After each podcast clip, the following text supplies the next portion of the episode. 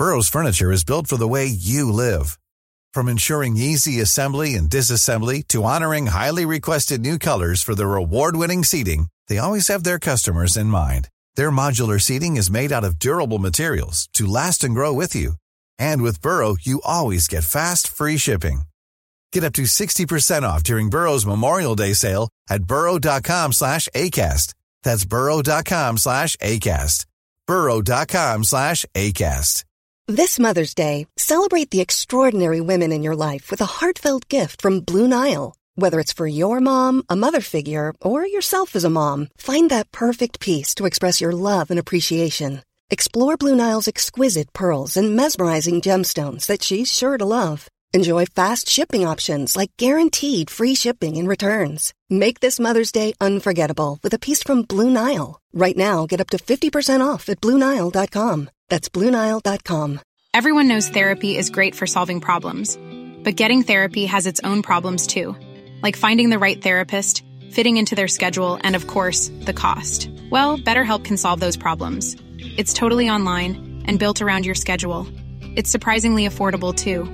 Connect with a credentialed therapist by phone, video, or online chat, all from the comfort of your home. Visit betterhelp.com to learn more and save 10% on your first month. That's BetterHelp H E L P.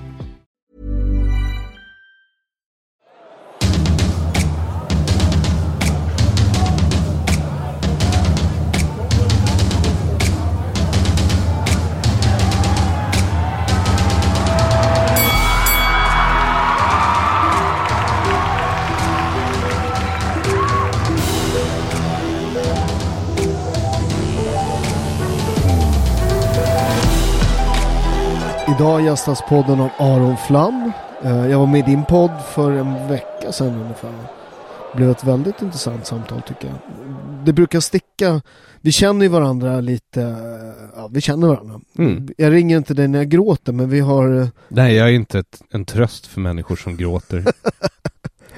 Eh, men men vi, vi har varit på middagar ihop och du har druckit upp mina dyra viner vid ett tillfälle när du har varit hemma hos mig.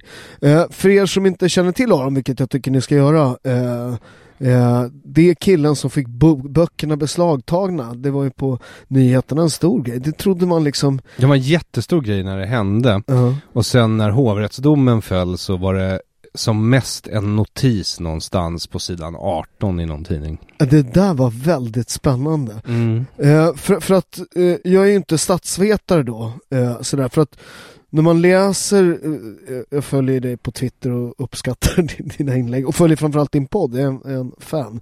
Så ni som lyssnar på den här ska lyssna på Arons podd, vad heter den? Dekonstruktiv kritik. Precis. Så, så, så, så, jag menar, man får inte intryck, alltså jag är ju inte statsvetare. Eh, du brukar bli anklagad, anklagad för att vara nazist. Ja, tröttsamt nog. Men det, men det tror Ja, jag... men, men jag bara får komma, eh, så här, fråga då, du är ju liksom lite mer samhällsorienterad än vad jag är. Ja. Eh, Men först ska man ju veta om att det finns ju en grupp människor inom vänstern som Ja. kallar alla som inte håller med dem för fascist eller nazist eller rasist. fast det är någon form av, vi, vi, alltså något Alltså form, alla. Ja, all, ja. Ja. precis, men det är exakt det jag vill komma till. För det är en form av, av, av liksom rekord eh, att kalla dig nazist eftersom du är jude. Ja precis, men då, och det är det som gör det lite, det det är det som gör det lite känsligare kan man säga. Därför att, för det första, att anklaga en jude för att vara nazist Mm. brukar i sig anses vara antisemitism. Mm. För vad man gör är då att man lägger skulden på offret. Alltså Mm. det är Ja. eh, offer, eh, på, på engelska heter det victim reversal. Att man byter plats på offer och förövare. Ja. Ehm, eh, och nu är ju inte jag ett offer för direkt nazism utan eh, jag har ju snarare nazismen att tacka för att jag finns eftersom min mormor och morfar och farmor och farfar inte hade träffat varandra antagligen och fått mina föräldrar som sen fick mig om det inte vore för förintelsen som de alla överlevde och flydde ifrån på olika sätt och sen kom till Sverige eh, och träffades här så att säga. Eh, så, ehm, så det är ju, men, men det är också lite så här när folk anklagar Israel för att vara, upp, uppträda som nazisterna gjorde mot eh, eh, judarna, mot Ja. palestinierna. Det är ju också solklar antisemitism därför att eh, det är för det första inte en sann liknelse. Eh, nazisterna tog ifrån judarna alla medborgerliga rättigheter och eh, eh, hade som uttalat mål att liksom utplåna dem. Eh, Israel har ju hållit sina fiender vid liv, eh, inspärrade bakom säkerhetsbarriärer och med eh, kulregn emot sig, men de har ju liksom inte utplånat dem alls, utan tvärtom. De har till och med dragit sig tillbaka från Gaza. Det har ju suttit ett islamistiskt parti i regering i Israel. Mm. Det är alltså så långt ifrån apartheid man kan komma. Mm. Ehm, eh, men jag får nog ofta den där anklagelsen just därför att folk vet att jag är jude. Och de vet ju att det stör mig extra mycket eftersom jag har den bakgrund jag har och dessutom har eh, vid det här laget jobbat en hel del med just antisemitism eftersom jag har fått stöta på det och sådär. Men, det- men det som, som det här bokbålet eller bok, dina böcker som blev till, till, till, eh, beslagtagna, det är rätt intressant hela den historien. Du skriver den här serien om, om du har först en poddserie om, eh, finns på Youtube, Mm. eh, om en svensk tiger kallar den för. Ja, först kallade jag den för en ja, svensk och blir det tiger. det här är. Precis, eftersom jag fick påstötning då från Beredskapsmuseet i Djuramossa som eh, påstår sig äga rättigheterna till Bertil Almqvists En svensk tiger. För det spännande här och det som tror jag gör folk väldigt, väldigt arga det, det är på vänstersidan. Det är ju Sveriges agerande under andra världskriget. Det är ju vad den här boken handlar om och poddserien också handlar om eh, på Youtube. Eh, där tror folk vet om en del grejer med det här med att vilja att tyska trupper eh, åka genom Sverige. Det tror jag de flesta känner, känner till. Men när man läser boken eh, så det här med att Sverige länge exporterar malm, kullager, antagligen gör att kriget blir längre än vad det skulle ha varit. När liksom man skapar embargot, är det 43? Mm. Eh, eh, Mm. och då, där Sverige lovar att inte exportera saker då för att vi inte ska bli drabbade då av, av de allierades eh, Vrede. vrede. Ja. Mm. Eh, så, så, så går vi runt det. Vi öppnar företag i Tyskland som handlar, svenska företag Mm. då, som handlar. Eh, eh, Så, så där, det var en enorm vrede och det är rätt spännande liksom reaktionen på din bok från vänstern. Ja, alltså jag tror att det de stör sig på det är precis det där. Sista tredjedelen av boken handlar egentligen om Sverige och andra världskriget. Ja. Eh, och just då framförallt eh, Socialdemokraterna som var i Jag regering och deras... Precis, jag tycker inte man ska blanda ihop Sverige utan Mm. det är Socialdemokraternas agerande som Ja, är. för de satt i regering Ja. och eh, man brukar ju skylla på att det var en samlingsregering. Att det var inte bara sossarna. Utan, men sossarna hade de viktigaste posterna. De hade statsministerposten. Eh, man ska också komma ihåg att innan samlingsregeringen så regerade de i enväld med typ 50 procent av rösterna. Så sossarna var ju ett enormt stort parti. Men det är bara sista tredjedelen i alla fall av boken som egentligen handlar om Sveriges, eller Ja, sossarnas agerande under andra världskriget. Utan mitten handlar om svensk kultur väldigt mycket. Den andra delen i boken. Ja, den handlar om svensk kultur. Eh, den handlar om psykologi och filosofi och statsvetenskap och sen en hel del om individualism och Mm. Eh, och sen första delen handlar om hur Olof Palme träffar Yassir Arafat i Alger 1974. Han var först av alla. Ja, han var först av alla eh, västerländska statsöverhuvuden som eh, eh, officiellt träffade Yassir Arafat. För Yassir Arafat var på den tiden ansedd som eh, terrorist i västvärldens ögon. Bara terrorist, inget annat. Och det var väl lite som om Stefan Löfven eller Ulf Kristersson hade åkt ner när Syrienkriget var som värst och träffat al-Baghdadi. Eh, att Olof Palme faktiskt träffade Yassir Arafat. Eh, och i och med det mötet så svänger också världsopinionen från att ha varit på Israels sida i kriget mot arabstaterna. Eh, så man kan säga att boken i sin helhet handlar väl egentligen om eh, svenskarnas och då speciellt socialdemokratins inställning till judar. Alltså antisemitism helt enkelt i deras fall. För det, är- det är nog, kan man nog lugnt säga att det är det det rör sig om. Eh, och jag gjorde först en poddserie som blev väldigt lyssnad på. Även om ingen pratade så mycket om den så kunde jag ju se på siffrorna att folk verkligen lyssnade. Mm. Eh, och sen så blev det en bok och eh, första och andra upplagan ehm, eh, var lite kortare och sen när jag gjorde den lite längre och förbättrade boken eftersom jag hade sålt ut första och andra upplagan så hade jag råd att ta in en bättre redaktör och då kunde jag liksom verkligen få till den bok jag ville ha. Eh, och då hade jag också två extra kapitel i den i sista delen, alltså om andra världskriget. Och innan den kom ut så hann polisen komma och beslagta hela upplagan. 2282 böcker. Det är rätt spännande med att, alltså, att beslagta böcker Mm. på 2020-talet. Ja. Eh, man hävdade då att det var eh, alltså, ett intrång då i, i, i Upphovsrätten. upphovsrätten då. Mm. Bertil Almqvist heter han. Ja, eh, som har tecknat tigern, Ja, ja. men, och det gjorde han på uppdrag av svenska försvaret under brinnande världskrig. Mm. Eh, och sen dess så har det här museet, beredskapsmuseet i Djura Mossa, de har liksom eh, stämt staten så att Bertil Almqvists döttrar ska få rättigheterna som de sen har donerat till museet. Ja.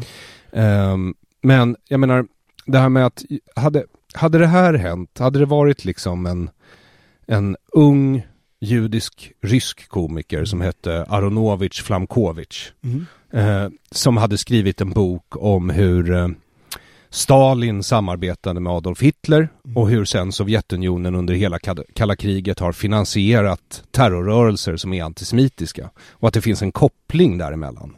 Om han hade fått sina böcker beslagtagna i Putins Ryssland och blivit åtalad, vad hade folk sagt då? Ingenting. Alltså, folk, hade, med. folk, Ja. hade inte undrat i alla fall vad det handlade Kulturnyheterna. Nej, ingen hade snackat som en är det upphovsrätt eller yttrandefrihet eller Ja. vad är det frågan om?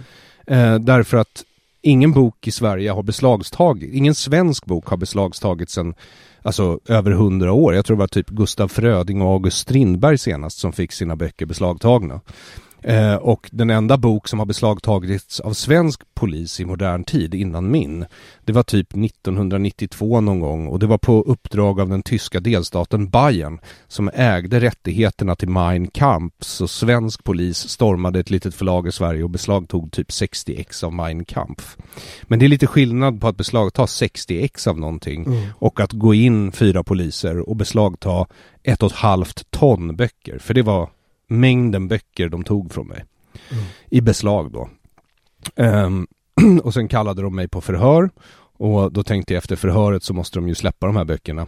Eh, eftersom eh, jag är oskyldig. De anklagade ju mig för att ha piratkopierat framsidan. Alltså att genom att jag gjorde satir på Bertil Almqvists Ja. originalteckning eh, så skulle jag då ha begått en piratkopiering. Mm. Men eftersom min tiger verkligen inte ser ut som Bertil Almqvists tiger, man ser ju att det är två olika tigrar, Ja. så är det inte fråga om piratkopiering. Och då måste man ju fråga sig varför då våldsmonopolet helt plötsligt bestämmer sig för att beslagta över ett ton böcker och sen hålla kvar dem efter förhöret. För, för att det, det, man glömmer alltid när folk håller på med sånt där. Det är som du, det, det, att det är bra att du poängterar för att det är med våld man tar det.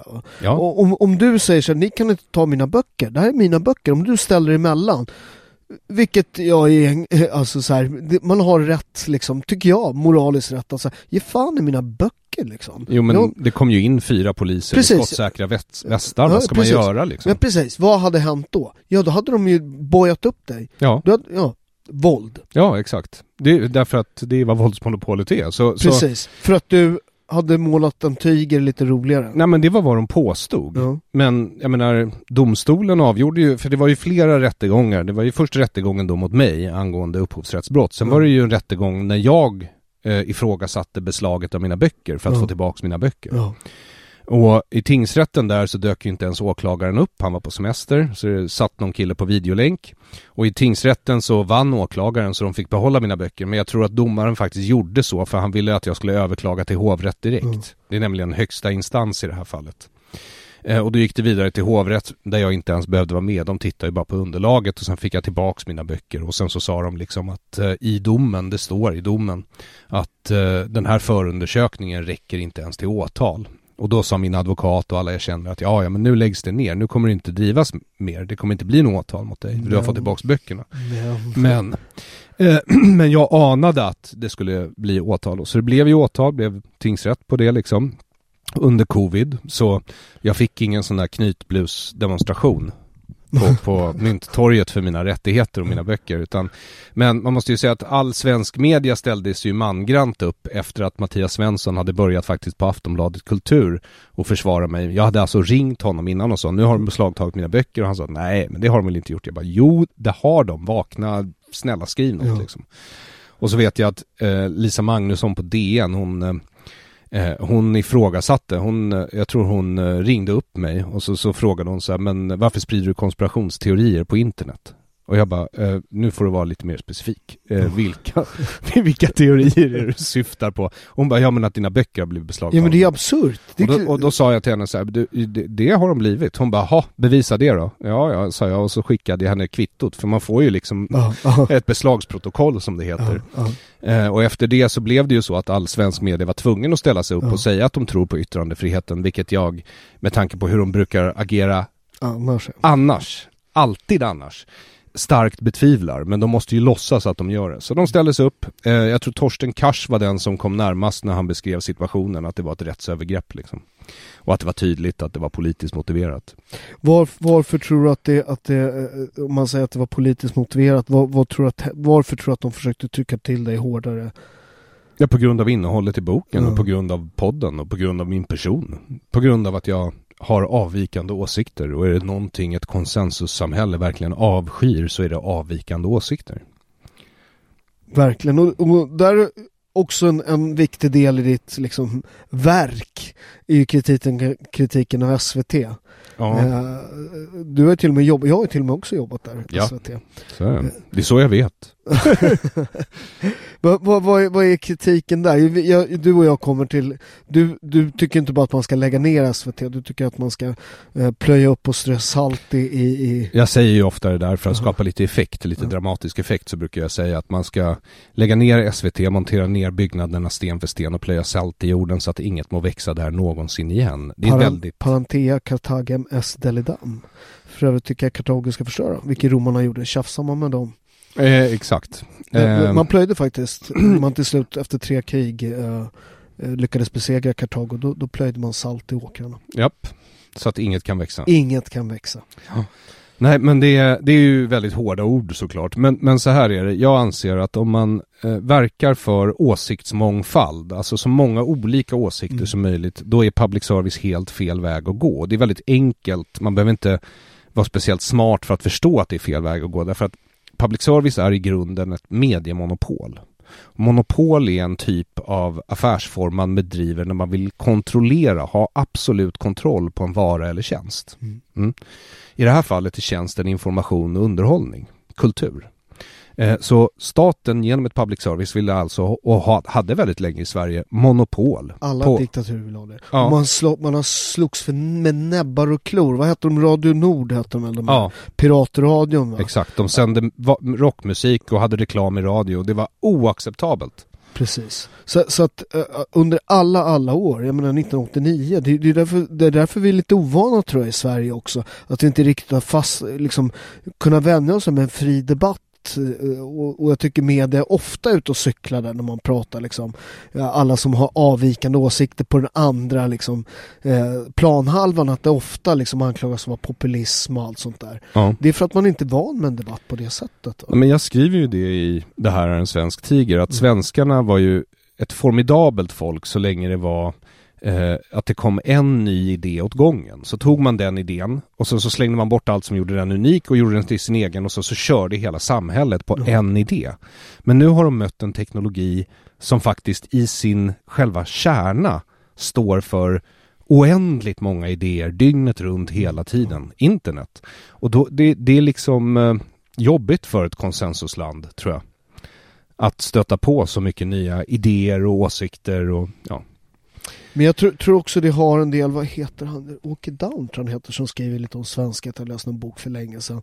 Han skriver om att i, i, i Sverige, där vi har liksom, där, där liksom, det, det är lätt att vara, ha många åsikter och så här om man bor i Italien eller Mm. i, i, Israel. Va? Liksom, att, att där liksom Italien vä- växer det rucola vilt året om typ i, Mm. i, i, i vilt. Det är bara käk, det det är svårt att liksom på riktigt svälta. I Sverige var man tvungen att samarbeta. Man hade några få månader att plantera, skörda och sen var det kallt. var man tvungen att hålla ihop. Annars, Mm. Så att det med, med, med liksom ha massa, en flora av åsikter och så här. Det, det funkar liksom, vår kultur har vi förtryckt det i liksom årtusenden bara. Du Ja, vet, men nu har vi el. Ja, Nu har vi el och Ja, värme. ja. Det är det här med utfrysning. Det märkte ju jag när de började frysa ut mig. Jag har varit Ja. utfryst av olika anledningar i olika omgångar till den totala då utfrysning som jag befinner mig i nu. Ja. Men, men den är ju inte så obehaglig längre. För det första vill jag ju inte umgås med folk som behandlar andra på det sättet. Och för det andra så har vi ju el och värme. Och har man familj och egna vänner då är det inte så jäkla farligt längre. Hur länge tror du att vi har el då? Uh, nej men nu har vi en ny regering, de har ju lovat, vi får se hur det går. Men eh, jag- såg i Financial Times i morse att just inflationen på elpriser är en av de inflationer som bromsar in snabbast. Mm. Eh, så de verkar ju som att eh, det kanske kommer funka om något år eller två. Alltså riktigt bra. Men, men återigen tillbaka till SVT och, och det Ja. här med, med åsiktsmonopolet. Liksom. Att, att, om man tittar, att de är, de är ju ständigt, om man tittar också på opinionsundersökningar, när, när de alltid presenterar folk är nöjda med SVT. Men delar man upp det här då och så tittar man på folk som röstar högerut, där är ju liksom alla missnöjda, där är liksom Mm. missnöjet mycket, mycket större. Att man då inte kan se då att okej, alla som är nöjda de är på vänsterkanten, alla som är missnöjda är på högerkanten. Att man inte på något sätt lyckas identifiera, vänta nu, Det är så roligt det där, för de böjer sig ju verkligen. De går upp i brygga för att undvika den mest uppenbara förklaringen på den statistiken. Och den mest uppenbara förklaringen är att public service är väldigt vänstervridet. Och om du har högeråsikter, då ser du tydligt hur vänstervridet det är. Ja. Det är därför ditt förtroende för dem är lägre. Det, det är så enkelt och det är ingenting man behöver höja rösten för att för, förklara. Det är bara det är bara uppenbart att det är så. Ja men det, det går ju knappt att titta på kan jag säga för Ja. mig. Att, att det, det är klart att man kan titta på det med, med, med om man har kritiska ögon men, men de har ju liksom konstant, alltså problemet med, med, med media det är att de egentligen har bidragit till att vi har, har rätt stora problem i Sverige. Mm. För, för att problemet med att ha vänsteråsikter och ha en vänsterregering det är att man tycker samma saker vilket gör att man inte granskar makten. Va? Jag menar ingen av de här riktigt stora kriserna, flyktingkrisen, eh, nu liksom det här Trump. med Trumps Sval, Brexit. Ja, bre- och, och också, också vad heter det med, med el, det här med att lägga ner kärnkraften. Att det inte fanns, alltså det här det är ju fullkomligt självklart, om du lägger ner sex stycken kärnkraftverk, alltså du, du avskaffar då, eh, alltså man lägger ner världens bästa energisystem, man lägger ner hälften Ja. av det. Och liksom ingen ifrågasätter det. Nej, exakt så är det. Och det är ju för att public service är så stort så att alla andra medier är på pressstöd för att överleva. Mm. Och pressstöd är ju egentligen en indirekt muta. För det betyder att de här tidningarna och radiokanalerna blir mer beroende av staten än de blir av sina läsare och lyssnare och tittare. Och då blir staten den största kunden, då blir man trogen staten. Och det är därför man ser så här, titta på genusvetenskapen och dess liksom marsch genom de svenska institutionerna fortfarande i full, full gång kan man säga. Eh, det har liksom fått ett katastrofalt utfall, alltså varje gång man utvärderar utfallet från de här policyerna så ser man att det är katastrof. Unga tjejer mår sämre, unga killar mår sämre, alla mår sämre. Eh, och medicinen man rekommenderar är alltid mer av den här politiken som inte har lyckats. Och det, jag, vet, jag vet inte riktigt varför, men, men det, det är så. Och sen så tittar du på islamism liksom. Ja. Islamism är ett problem som vi har börjat diskutera i Sverige de senaste åren. Och media har alltså förtryckt information om Ja, islamism ja. i decennium. I decennium. Ja, och så, så har vi Brexit, så har vi Trump, och så har vi narkotikapolitiken. Alltså jag kan bara fortsätta. Israel, hur det behandlas i Ja, det är media. helt sinnessjukt. Eh, så, så det är liksom, när man tittar på alla de här stora områdena och hur både liksom pressstödsmedia internationellt men framför allt i Sverige har liksom rapporterat fel under årtionden vilket har lett till att alla beslut som fattas är fel enligt årtionden och resultaten stå, sitter vi med idag, de är katastrofala liksom. Så, eh, ja jag vet inte vart jag var på väg men... Men, men, men, det, det är spännande med det här men, men det får- har med public service och monopolet Ja, att göra. De våg, journalisterna vågar ju inte göra sitt jobb och vara riktigt besvärliga mot makten. Liksom. De ifrågasätter ju inte de här, för det här, det här är ju politiska beslut som de borde ha granskat. Ja, hundra procent. Att det ingen har, att liksom någon skarpa så här, men vänta nu. Ja. Sex kärnkraftverk. Och, och sen att man i längden, Mm. alltså trots massvis med, en grej som inte jag har förstått, det tog något år sedan när jag började förstå det här med att, eh, att, att det behövdes tryck i systemet. Så att om man har väldigt mycket vattenkraft uppe i norr så behövde man tydligen kärnkraft i söder för att hålla kraft. Det här, jag menar så här, att ingen, alltså att ingen, att, att upplysa mig om detta som väljare Mm. när jag ska gå och rösta. Ska jag rösta på Miljöpartiet eller ska jag rösta på då, Medborgerlig Samling? Ja, det kan man verkligen tycka. Att, Att, alltså det, det är- är fundamental basic information att någon säger så här: okej, vänta nu, om vi lägger ner kärnkraften här i, i söder, förlorar vi inte spänning i systemet? Jag hade ingen aning om det. Och det var SVTs fucking jävla skyldighet att informera mig om detta, men det har jag fått ta till mig på andra sätt va? Ja, exakt. Och vanligtvis inte på, från sätt med pressstöd. Jag menar Henrik Jons, Jönsson har ju inte pressstöd. Henrik, Eller- han är, han är, jag kan säga han är en av de absolut viktigaste Alltså Ja. ni som inte lyssnar på honom, gör det. Det, det, det är några eh, mina go-to. Det, det är Aron, eh, Henrik tycker jag är fantastisk när det gäller samma här. Och det är 100%, vad han än säger på sin YouTube-kanal, det är 100% vad jag står för. President. Eh, I Sverige har vi ingen president. Eh, om du vill ha eh, Henrik Jönsson som statsminister så jag vet inte vad han skulle svara på det. Nej. Han har ju velat ge sig in i politiken vid ett tillfälle. Jag Mm. får ju sådana propåer ibland. Men jag brukar alltid förklara när folk säger att jag ska bli politiker att då har du inte lyssnat ordentligt. Problemet är att vi har för många politiker. Eh, vi behöver inte en till. Eh, så det är liksom, ja nej men, och när jag och Jens skriver liksom en bok som älskade public service, så vi är båda ex-medarbetare, Ja. vi, vi har egna erfarenheter, vi har samlat ihop andra anekdoter. Eh, och då kan man säga, då, man kan anklaga oss för anekdotisk bevisföring, det har Mm. gjorts, men jag menar ett inifrån perspektiv från människor som har jobbat där borde ha något värde kan Ja, man ja. tycka. Och sen i förtäckta ordalag i en annan debatt som pågår i mainstream media där jag och Jens inte bjuds in trots att vi har skrivit en bok så kallas vi i förtäckta ordalag för hoten mot public service. Ja. Det är det vi kallas för, hoten mot demokratin. Men jag anser ju att med tanke på hur public service har misslyckats med att rapportera om stora saker, det är de som är hotet mot demokratin. Mother's Day is around the corner. Find the perfect gift for the mom in your life with a stunning piece of jewelry from Blue Nile. From timeless pearls to dazzling gemstones, Blue Nile has something she'll adore. Need it fast? Most items can ship overnight. Plus, enjoy guaranteed free shipping and returns. Don't miss our special Mother's Day deals. Save big on the season's most beautiful trends. For a limited time, get up to 50% off by going to BlueNile.com. That's BlueNile.com. Ryan Reynolds here from Mint Mobile. With the price of just about everything going up during inflation, we thought we'd bring our prices down. So to help us, we brought in a reverse auctioneer, which is apparently a thing. Mint Mobile unlimited premium wireless. Ready to get 30, 30, bit to get 30, bit to get 20, 20, 20, bit to get 20, 20, bit to get 15, 15, 15, 15 just 15 bucks a month. So, Give it a try at mintmobile.com slash switch.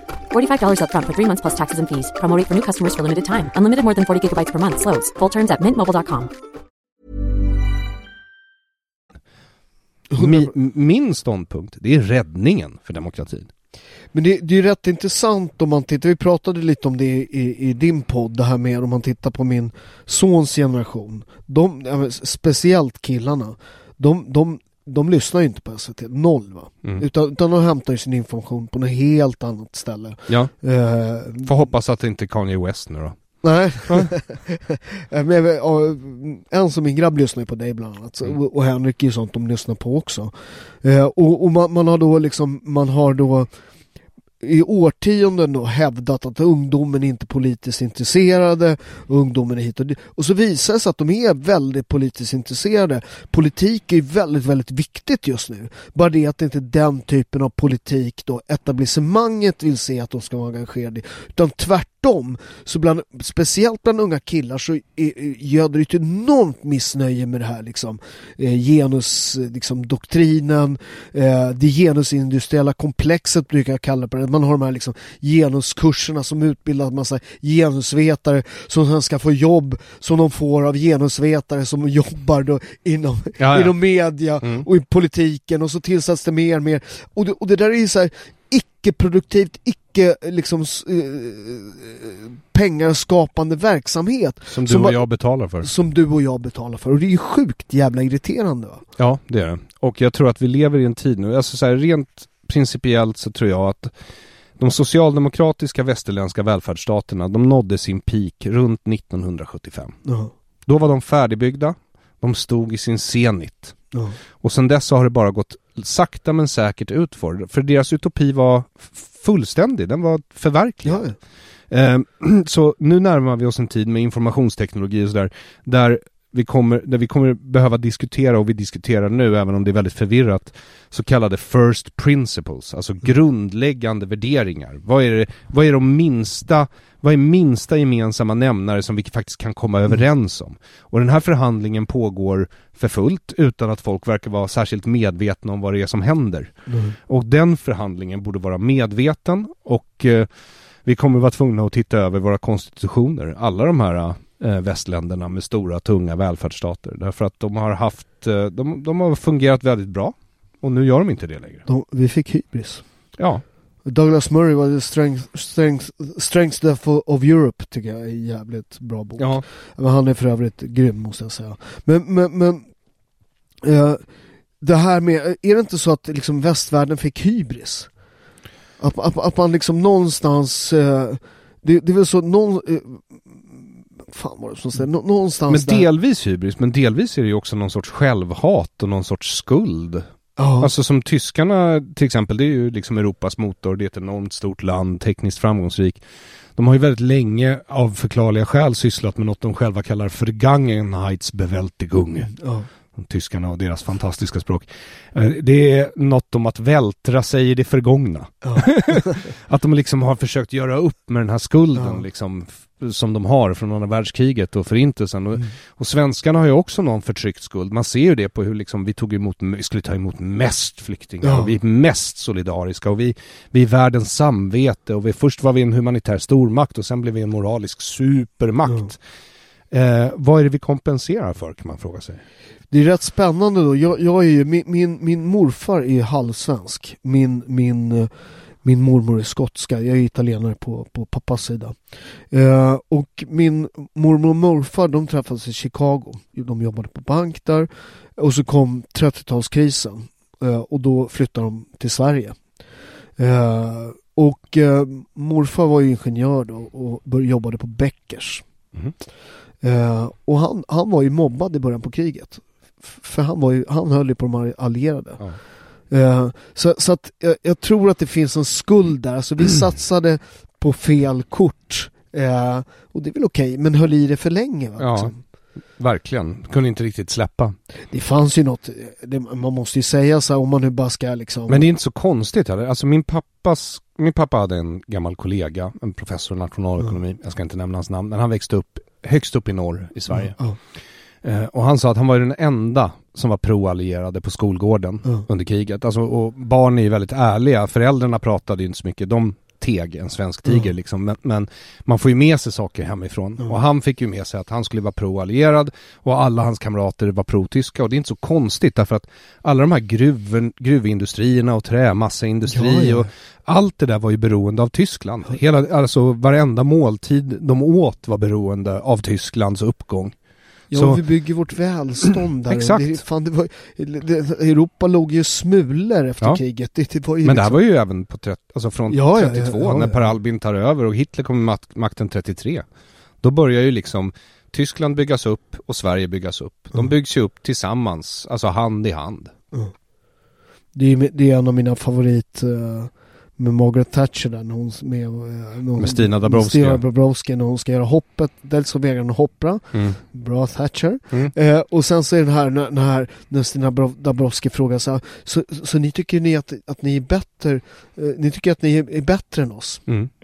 Och, och hon pressar på då och, och fattar inte att det här är Margaret Thatcher. Ja, precis. det är en Som bara säger så här, no, I'm just saying that as a matter of fact. of historical fact. Yeah. Ja, så We slogs, fought, Ja. you didn't. ja, så är det. Vi slogs mot nazisterna och ni slogs inte mot nazisterna. Precis, och då, då vill jag säga alla er, så här, men ju är vi italienarna. Visst, vi, vi var helt fel med, med och men jag hade, och jag hade min farfars bror stred på östfronten, var tillfångatagen, satt i koncentrationsläger i Ryssland. Eh, farfar vägrade oss, han flydde upp i bergen med risk för livet. Så att för oss så var ju kriget liksom, det var, det, vår familj tog stryk och folk dog i det där Mm. kriget. Eh, och, och jag vet när, när farfars bror kom tillbaka, Antonio. Eh, min, eh, hans syster Lucia. Hon står vid, vid torget och så kommer det upp någon snubbe liksom. Eh, som är helt smal och utmärkt. Så, så, bara- ska krama henne. Hon vill ju smälla. Och så ser hon något i ögonen. Det är hennes bror. Hon känner inte igen honom. Det. Han, har sutt- han har typ gått tillbaka från, från liksom Mm. Sibirien. Eh, så att det var ju hemskt för kriget. Liksom. Pappa säger han kan vakna på nätterna fortfarande. Du vet av bombräderna. Han sa att det, det, är fruktansvärt. Du vet när det liksom Men han var ett litet barn då eller? Ja, Mm. men han kommer fortfarande ihåg det. Mm. Ja det, är, det borde, borde lämna ett minne kan jag tänka mig. Ja. Eh, men, men vi lämnar, vi, vi måste avhandla en grej till. Sossarna. Eh, jag är gammal sosse. Ja, du är ju det. Och jag, min far är ju gammal sosse. Ja. Mm.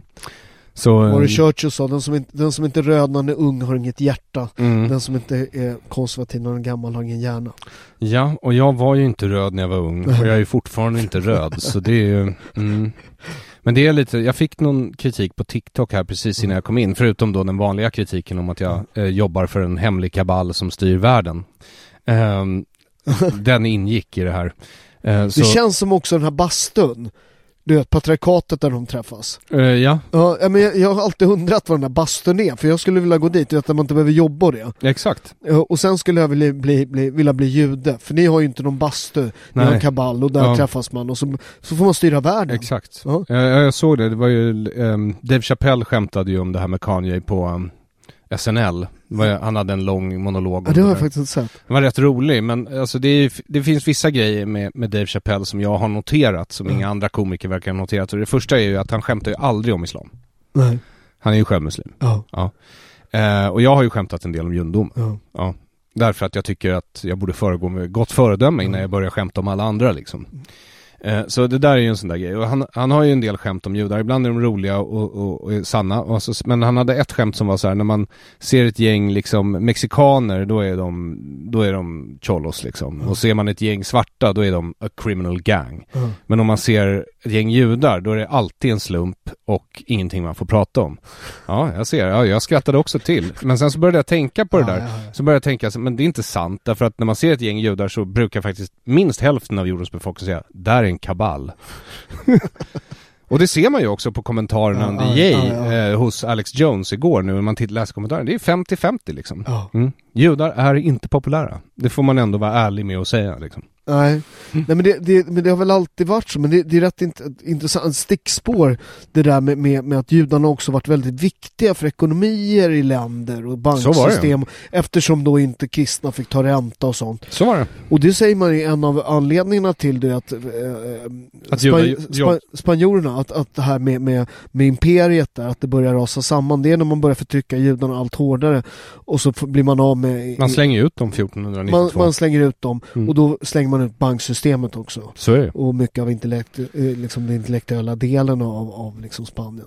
Och man får eh, problem som är svåra att lösa efter det. Och jag brukar säga angående det där att om man ger bort banken till någon annan, då kan man inte bli sur för att den personen blir rik liksom. Därför att det är där pengarna finns liksom. Låt mig säga nu att om vi ska prata bank, vi brukar ju ha våra, våra etniska bråk. Eh, det är vi som uppfinner banksystemet. Ja, bokföringen i alla fall. Ja, den italienska bokföringen. Ja, det, Medici. Är, ja, det, Den- det- italiensk munk jag för mig som uppfann den. Det är Ja. därför det inte finns något minustecken, det var inte uppfunnet än. Så det finns bara plustecken. Superjobbigt att göra. Nej men det, de, de, de, de, jag tror Cosimo de Medici till slut är världens rikaste man. Alla har ett lån till honom. Liksom. Eh, Så det, det dubbla italienska banksystemet är, är bokföringen är ju Mm. Men sen har ni väl kanske utnyttjat den bättre. Jag vet inte. Jag, vet, jag, jag är själv ehm, ehm, en, en måttligt framgångsrik affärsman kan man säga. Minst sagt. Jag krossar fördomar om att judar ska vara bra på affärer. Det är, det är vad jag gör. Bra, men vi, vi ska tillbaka till sossarna. För jag ger ut böcker. Och böcker, även om det går okej, är ju inte världens mest lönsamma affärsidé. Men, det, men är inte det också så här, det, judarna, judarna och italienarna har en del saker, men boxning är ju också stort judiskt liksom. Många Ame- Amerika- fram till 20-talet. Ja, Ja, ja. Fram till svarta fick börja boxas. Ja, Alltså jag säger inget om det, men det är ju också samma sak med basket. Basket var ju från början en judisk sport. ja. Och det var ju många judar som var bra på det, fram till svarta fick börja spela. Man, man lät ju svarta boxa. Det, det, det är Jack Johnson i slutet på 1800-talet som gör att det här, en svart man inte får boxa om VM-titeln för han var ju Mhm. så överlägsen. För innan det trodde man att black man can't beat the white guy. Eh, så? Ja, ja visst. Mm. Men sen så Jack Johnson kommer och är helt överlägsen. Han kan till och med snacka med publiken vet, i slutet på 1800-talet. Han bara liksom eh, pissar ner alla och, och det här blir För den här judiska världsmästaren i boxning, det var väl 20-tal England jag för mig att jag läste det, någon gång det är många, liten. Jake LaMonta säger i, i både Children from Bronx. Jaha, Ja, Jag tror att han, han är dubbel, han är både italienare och jude. okej jag tror italienarna har fan claimat honom alltså. Ja, så hårt. så hårt.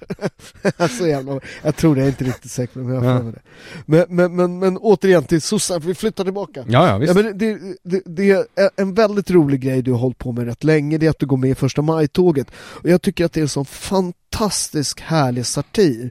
För att det är så spännande då med, med, med, med ett parti som går ut och demonstrerar mot makten. Sig själva. Det är helt sjukt. Ja. Varje, varje år. Mm. Och liksom kommer undan med det. Mm. Ja, nej, det är helt otroligt att den ironiska generationen svenska komiker, Henrik Schyffert et al, inte har drivit med det. För det är verkligen Nej. superironiskt Ja. att demonstrera mot sig själv.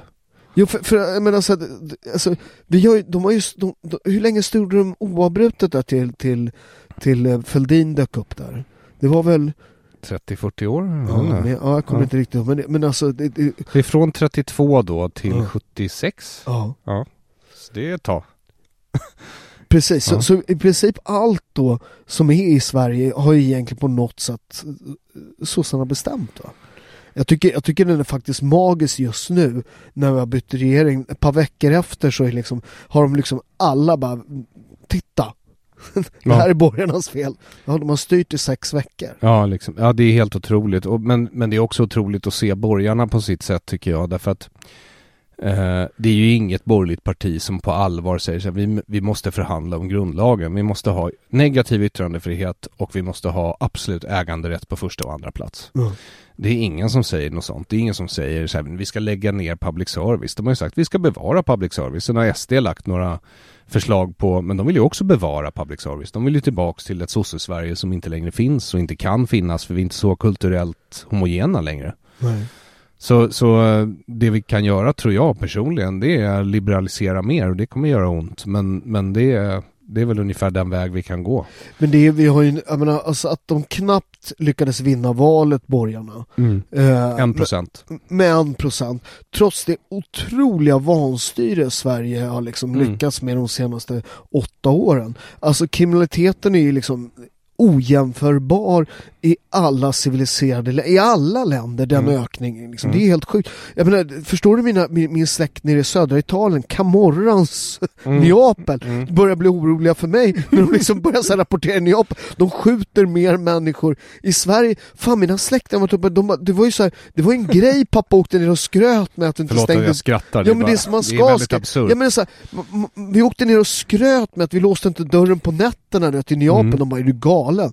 Nu låser du fan dörren. Ja, mina föräldrar låste aldrig dörren i Nej. Bergshamra när jag växte upp. Det var jag som började med det i familjen. Jag tyckte bara, det här är absurt. Och de bara, nej men här i Sverige låser man inga dörrar. Vi, vi skulle, mina föräldrar är första generationen som ska vara väldigt mer svenska än svenskarna själva. Ja, ja.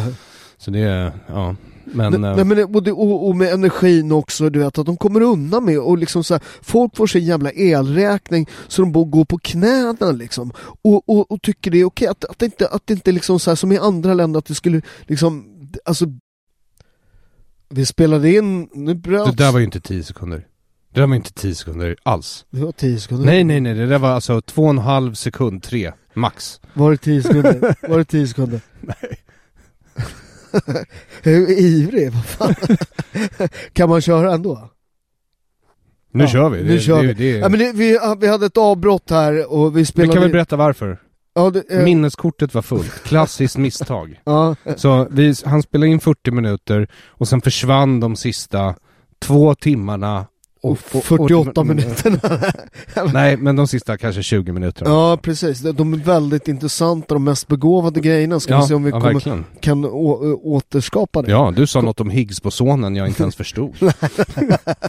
Exakt Eh, nej, men eh, det, det, nej, nu kör vi bara. Vi Nu kör kör de vi. sista. Ja. Mm. Eh, Så vi, det här är ju ett misstag som jag har gjort flera gånger. Jag har ju som du vet gjort en grej som heter Boomers reagerar på YouTube. Ja, ni är alltid, ni lyckas alltid. Nej det är där. inte Davids fel, David Eberhardt gör med mig, utan det är mitt fel. Jag, jag och hårdvara, mjukvara och jag kommer väldigt bra överens. Ja. Men hårdvara och jag, vi har alltid haft en problematisk relation liksom. Okej. Ja, jag är ju nybörjare på med Hur många poddar har du spelat om? Ja, Eh, alltså jag vet inte men någon det här var åratal sedan så intervjuades jag av en väldigt trevlig herre som heter Timas som har en podd som heter Loungepodden och han Ja, sa när han, han hade gjort research på mig så hade jag gjort över 7000 timmar podd. Okej. Eh, det är ju inte alltid min egen podd så det, Nej, men, nej. men det är tydligen, eh, så jag har gjort vid det här laget säkert 10 000 timmar podd. Mm. Hemskt mycket timmar. Och ändå är det ingen som lyssnar på mig. Jo det är det Ja, Okej, men är det någon som hör vad jag säger? Ja vi får se vad, med sossarna var vi, eh, och har jag, eh, får se om jag, har jag berättat varför jag gick med i Socialdemokraterna? Det har jag inte gjort. Det har du inte gjort. Så. Eh, jag, men, eh, jag, jag, har ju egentligen, jag var ju aldrig med i sossarna utan Nalin, Du hade aldrig partibok? Liksom. Nej, utan Nalin Pecker ringde mig inför, jag kommer inte ihåg vilket val det var, många, många år sedan och sa så här, vi, vi, vi vill nominera dig till, till riksdagen från Rinkeby. Och då sa jag, ja, men jag är inte med i partiet. Eh, ja. Och då pratade vi Det lite... där är så skönt Ja. tycker jag. Därför att de, de är så de är så självgoda och självupptagna Ja. sossar. De förutsätter att man är med i partiet. Invandrarkille med, med Ja. liksom lite problem. Klart Eh, han är med i partiet. Det är klart man är med i partiet. Men jag, jag, samtidigt som det där så, så fanns det en debatt kring det här med proffsboxningen. Och då tänkte jag Maktpartiet, eh, så jag, ja, visst så, jag, så jag gick, gick med. Eh, och eh, debatten kom igång ordentligt. Jag tror jag fick näst mest kryss i Stockholm, Stockholms stad. Slagen av Bosse Ringholm, Ja. antagligen på sin charm. Ja. Ja. Men, men, men du, det, det var för att proffsboxning var inte lagligt Det var inte lagligt, utan, och det där, det kan säga, folk kan säga vad de vill, men, men jag var en av de drivande liksom, faktorerna till att det blev tillåtet i Sverige. Eh, och jag tror det riktiga crescendot när vi fick upp debatten på allvar, det var att jag och en kille som heter Issan Khalil gjorde en uppvisningsmatch i Kungsträdgården mitt under sommaren. Stockholms stad ville arrangera lite liksom, un, liksom ungdomar att de skulle ha något att göra. Och så var det olika idrotter, och så var det boxning och så hade vi en ring mitt i Kungsträdgården, jättemycket folk. Och så boxade jag mot en otroligt tuff proffsboxare som heter Isam Khalil. Eh, vi boxade en uppvisningsmatch. Eh, och eh, eh, dagen efter ringer Expressen och så här, eh, ja du har gjort en match och vi har lite bilder här, eller du gjorde lite trä- ungdomar fick prova på boxning och så gjorde du en match och sådär. Och det var liksom så här, från ingenstans så så, så, så, så, du vet att det är förbjudet i Sverige va? Hon bara, va? Nej men eh, uppvisningsmatcher, proffsboxning, både vanliga matcher och uppvisningsmatcher är förbjudna enligt lag i Sverige. Hon bara, vem, vem är arrangören? Stockholms stad. Och det var någon sång, eh, sommarvikarie där på Expressen så hon, hon var så här, jag ringer upp dem en liten stund. Uh, och sen så ringde hon och var helt upphetsad. Kan du berätta mera? Och sen var det en löpsedel, jag tror det var tre, fyra dagar. De hade otroligt bra bilder och var tuffa liksom. Vi slog varandra där.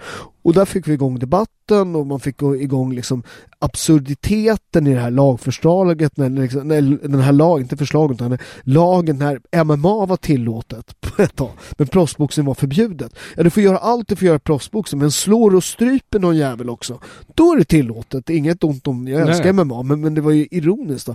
Och det ironiska var, det var förbjudet i fem länder, sex länder. Det var Sverige, Norge, Kuba, Nordkorea, Island och eh, Iran.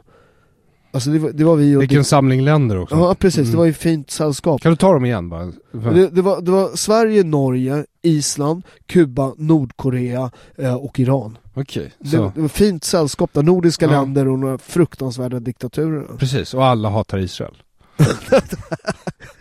det är ändå något de har gemensamt. Ja, ja, Förutom då att de hade förbjudit proffsboxning. Precis. Ja. Ja, men, så så jag gick med i, i partiet eh, och, och kom inte in i riksdagen även fast jag fick många kryss.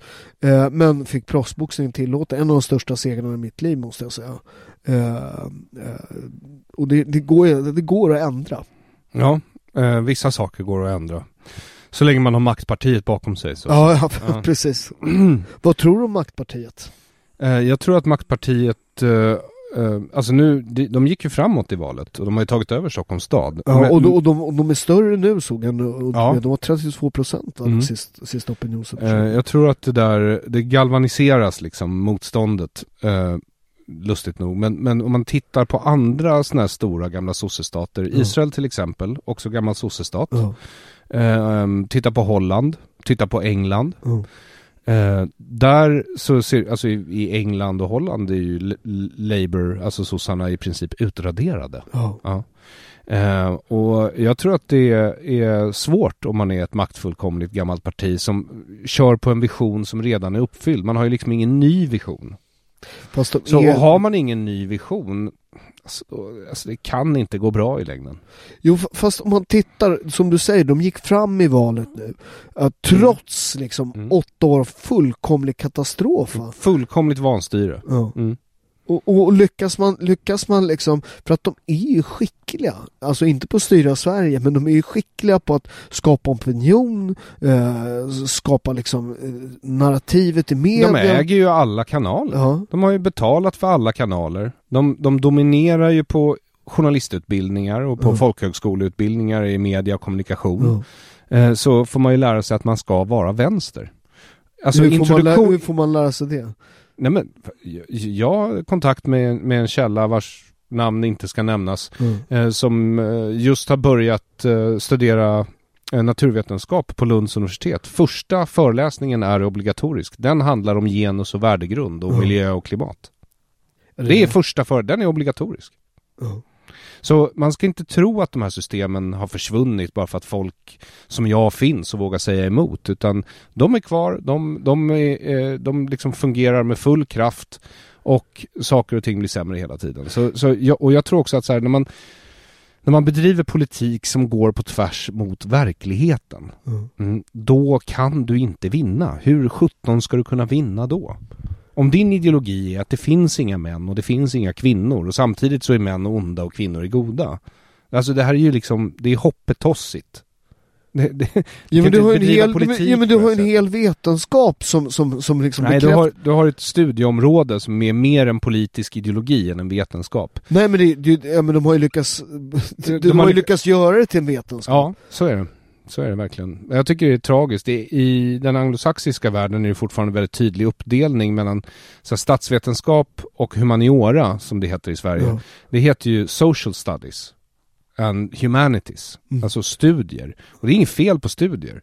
Studier är jättebra. Man måste bedriva studier. Allt kan inte vara vetenskap, alltså naturvetenskap. Men naturvetenskap är naturvetenskap. De har en metod. Jag såg den roliga, det vet du säkert vad de heter, den här, eh, de här som, som lämnar in, de får flera studier publicerade i feministiska tidskrifter.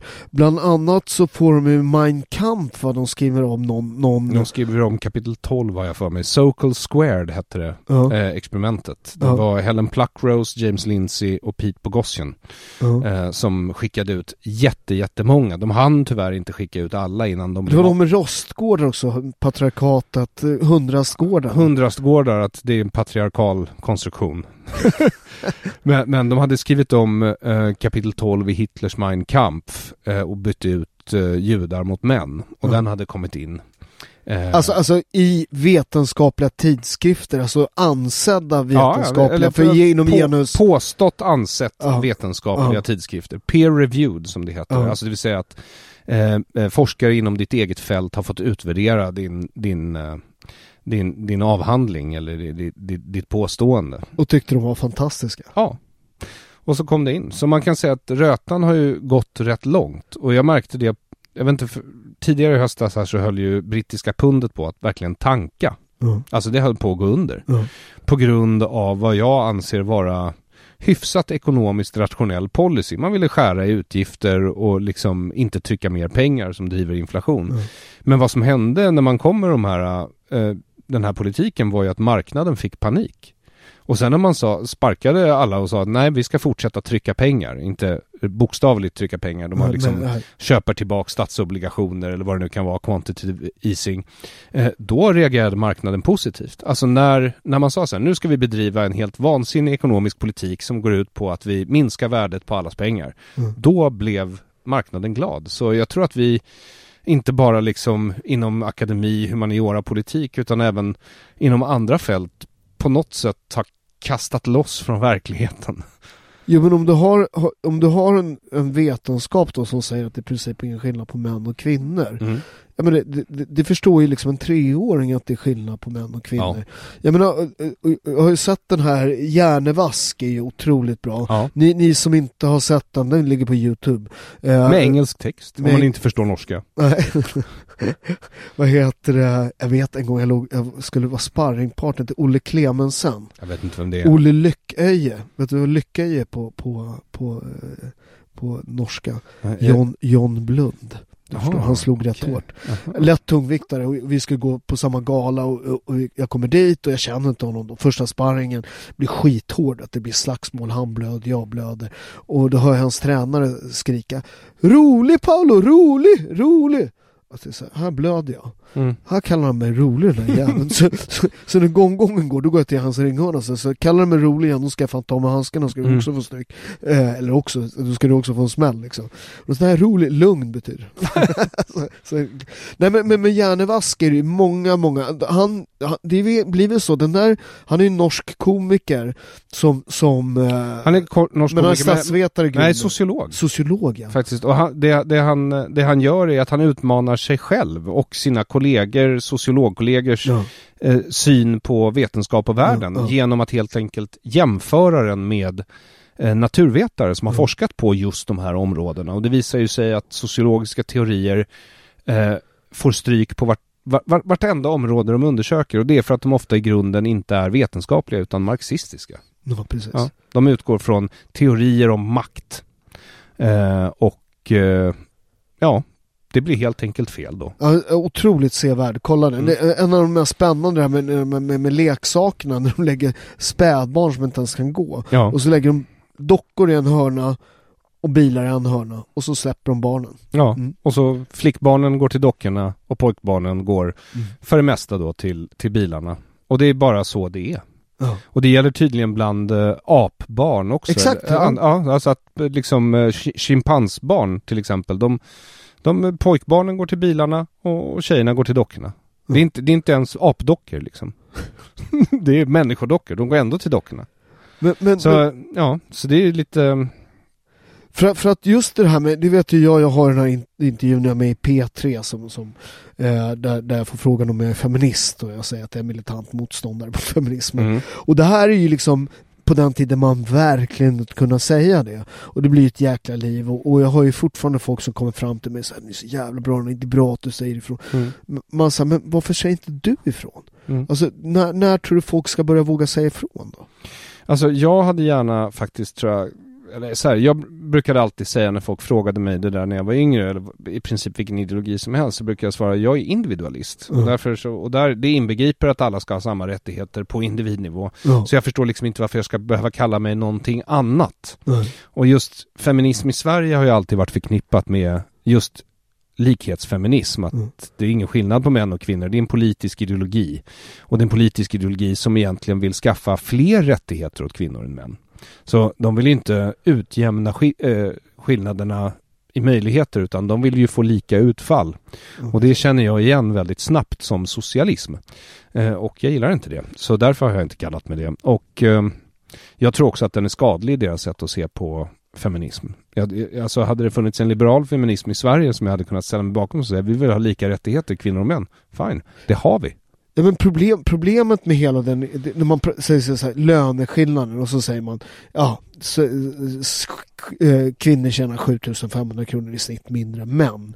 Äh, och det där, när man säger det så, så på något sätt, om du inte vet problemet kan du aldrig hitta lösningen. Varför tjänar kvinnor mindre än äh, män? Är det för att de är kvinnor eller för att, är det för att de är i offentlig sektor? offentlig sektor och för att de skaffar barn. Så de ja, ja. är hemma med barn och då går de miste om flera ja. års karriärsutveckling eller vad man ska kalla Precis. det för. Men, men ska du kunna lösa det, då måste du säga så här, okej, okay, lönerna är lägre i offentlig sektor.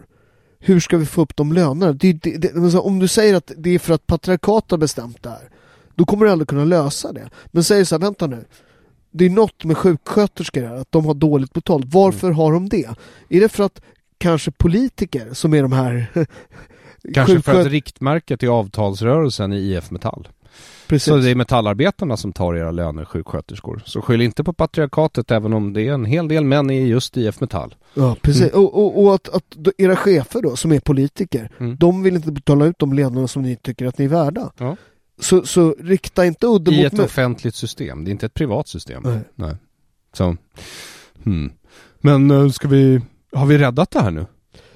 Det är klart vi har. Ja. Det, det gör vi varje gång. Och, och, och jag var ju med i din podd. Ja. Och det tackar vi för. Jag tycker att dina lyssnare ska faktiskt gå in och lyssna på Paolo i min podd. Mm. Därför att eh, han är väldigt mysig där. Ja, men det blev, blev ett väldigt spännande samtal tycker Mm. jag. Vi, vi, eh, Talade bland annat om Rom mot Judeen. ja, det, det, var, det är en Mm. rätt blodig konflikt kan jag säga. Det, det var det i alla fall. Mm. Nu är den inte lika blodig. Nej. Nej, tack och lov. Vi vann. vad, he, vad, he, vad heter det? Vi pratar om massvis med andra intressanta saker. Eh, Älskade public service heter boken och dekonstru- Dekonstruktiv kritik heter eh, podden. Podden och, och det här är en svensk Det här är en svensk tiger heter boken. Ja. Eh, som jag tycker ni alla ska läsa. Och eh, Älskade public service är också vä- väldigt, väldigt bra måste jag säga. Tack, men den har jag skrivit med Jens Ganman och hans kapitel är ännu roligare än mina. Så det är hans förtjänst. Det är bägges förtjänst. Tack för att du kom Aron. Tack så mycket för att jag fick komma på.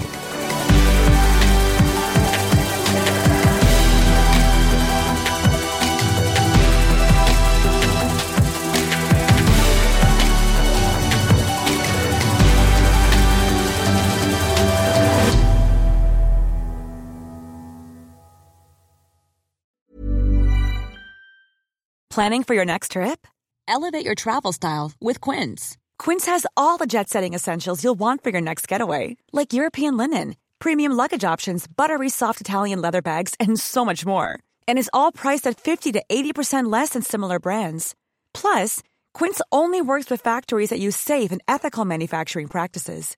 Pack your bags with high-quality essentials you'll be wearing for vacations to come with Quince. Go to quince.com slash pack for free shipping and 365-day returns. Música